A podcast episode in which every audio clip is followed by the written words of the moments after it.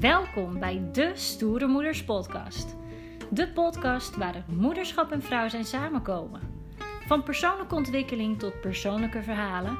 Speciaal voor die stoere moeders die meer uit het leven willen halen. Want je bent toch veel meer dan alleen moeder?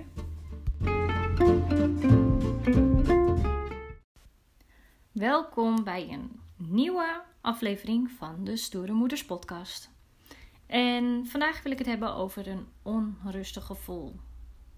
Want we hebben als moeder in de 21ste eeuw heel veel ballen hoog te houden. En doordat je al die ballen hoog wil houden, ga je heel veel verschillende dingen tegelijkertijd doen. Ik zeg ook wel eens: multitasken is ons tweede naam.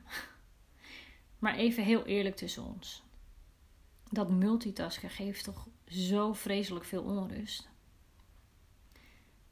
Doordat je met, met twee of misschien wel drie dingen tegelijkertijd bezig bent, ben je nooit, uh, je bent dan nooit voor de volle 100% uh, eh, erbij met je hoofd.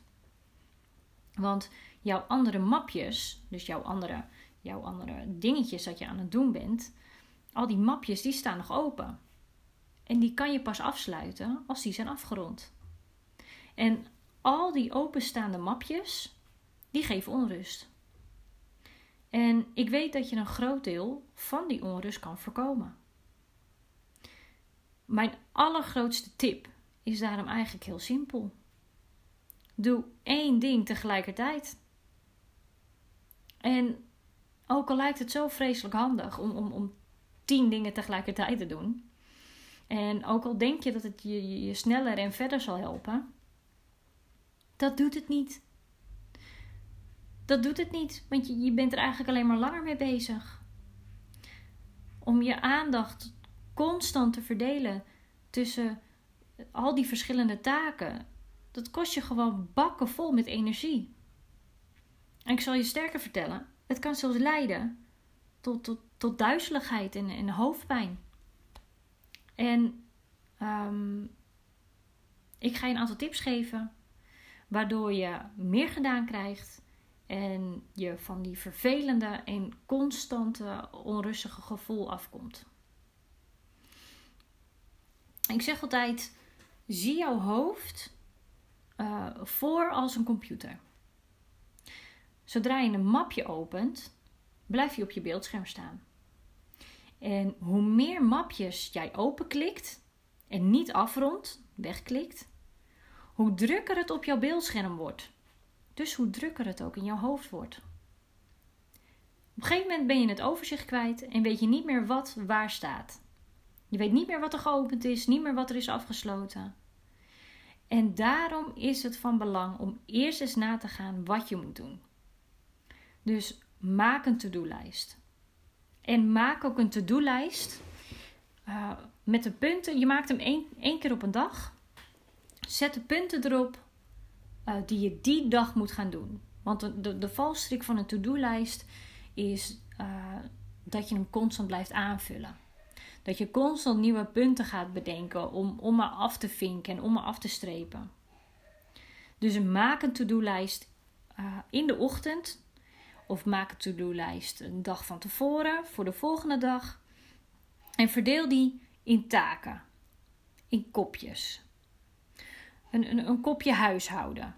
Daarin zet je neer dat je die dag wilt dweilen uh, en dat je die dag uh, een wasje wilt draaien. Maak een kopje werk. Dat je die ene mail even moet versturen en dat dat ene verslag af moet. En een kopje kinderen bewijzen van. En onder kinderen zet je van uh, dat je nog eventjes die uh, nieuwe schoenen moet terugsturen. Of um, uh, dat ze, weet ik veel wat, om tien uur een fruitje willen. Ik zeg maar wat. Vervolgens ga je van al die taken, in al die kopjes, uh, de prioriteiten vaststellen. Wat is het allerbelangrijkste? Die zet je bovenaan. En wat kan wachten en wat kan eventueel naar morgen? Zo maak je jouw to-do-lijst super praktisch en haalbaar. Want niks is ook zo frustrerend als een to-do-lijst die maar niet afkomt. Waar je maar constant taken blijft verhuizen naar de volgende dag of constant maar taken blijft bijschrijven. Vervolgens de laatste stap is doe een taak vervolgens met volledige focus. Dus ga niet terwijl je bezig bent die kinderen om voor te lezen of, of uh, uh, te helpen met, met een spelletje. Ga dan niet ondertussen tijd die mail versturen die onder het kopje werk staat. Ga niet vervolgens, uh, terwijl je middenin eventjes de tijd zit met je kinderen, ga er niet nog even snel naar boven om even die was eruit te halen. Nee, je blijft bij de taak wat je op dat moment aan het doen bent met volledige focus. Dus eigenlijk wat ik zeg is: schrijf het uit je hoofd. Haal de onrust uit je hoofd. Haal de taken eruit en schrijf het op. Maak de, uh, stel de prioriteit vast. En ga ze vervolgens met volledige focus doen. Haal die onrust uit je hoofd. Daarna gaan we um, dat onrustige uh, gevoel, wat je dus krijgt van al die openstaande mapjes, oftewel onafgeronde taken of zaken, uh, ga je dat onrustige gevoel onderzoeken. Want uh, je kan zowel lichamelijk, maar ook mentaal of emotioneel onrustig zijn van bepaalde dingen. En hier zit vaak veel meer achter. Denk aan jezelf. Um, opkijken naar anderen. Uh, weinig eigenwaarde. Um, en het pleasen van mensen bijvoorbeeld.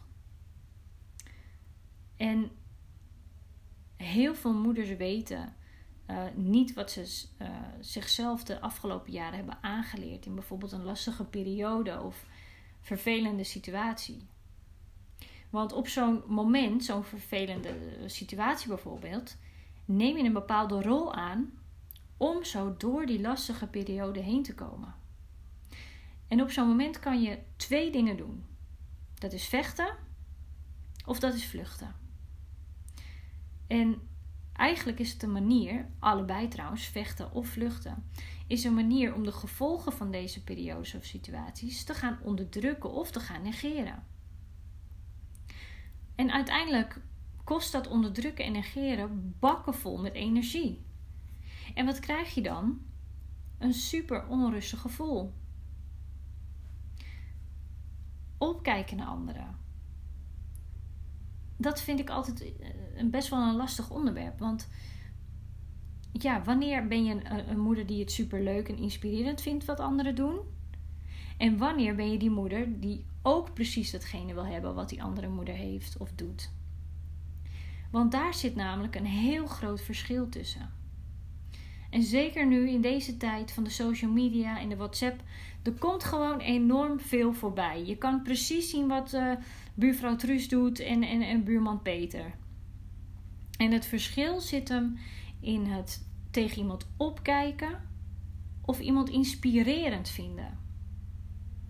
Want het kan enorm veel onrust geven als jij denkt dat anderen het makkelijker of beter voor elkaar hebben. En dat jij je met hun, met die moeders moet gaan concurreren. Want dat slaat natuurlijk helemaal nergens op. Want het moederschap gaat helemaal niet om, om, om concurrentie of beter of mooier of weet ik veel wat. Want het moederschap is echt het allerpersoonlijkste wat er is. Dus probeer, probeer niet te gaan, uh, uh, je te gaan concurreren met die andere moeders. Laat je inspireren. Dat is veel belangrijker dan moeten denken dat jij je moet opboksen tegen die andere moeder. Weinig eigenwaarde komt helaas vandaag de dag gewoon zoveel voor. Vooral bij moeders zie ik het ontzettend veel. Ze willen het te goed doen.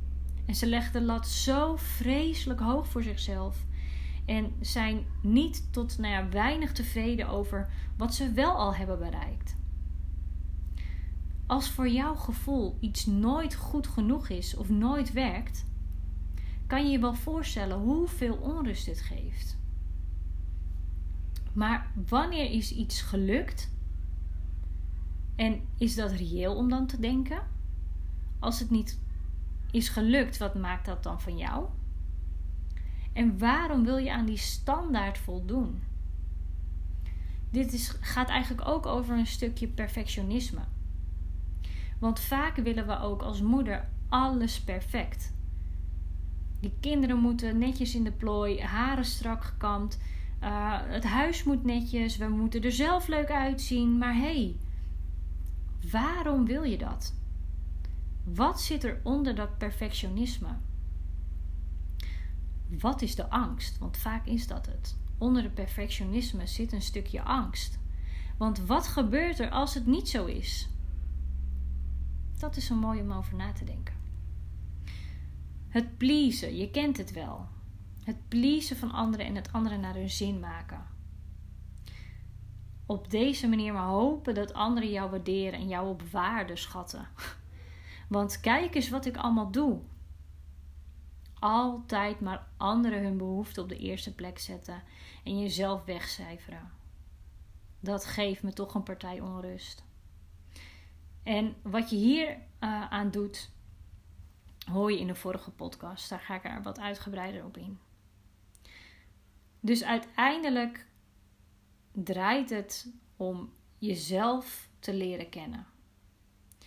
Zodra jij je niet bewust bent van hoe jij reageert en hoe je omgaat met moeilijke situaties of periodes, gevoelens en gedachten, zul jij ook niet kunnen veranderen. Hoe dichter je bij jezelf blijft, hoe meer rust jou dit geeft. Nu ben ik benieuwd, wat ga jij doen om meer rust te gaan creëren? Ik hoor het graag van je.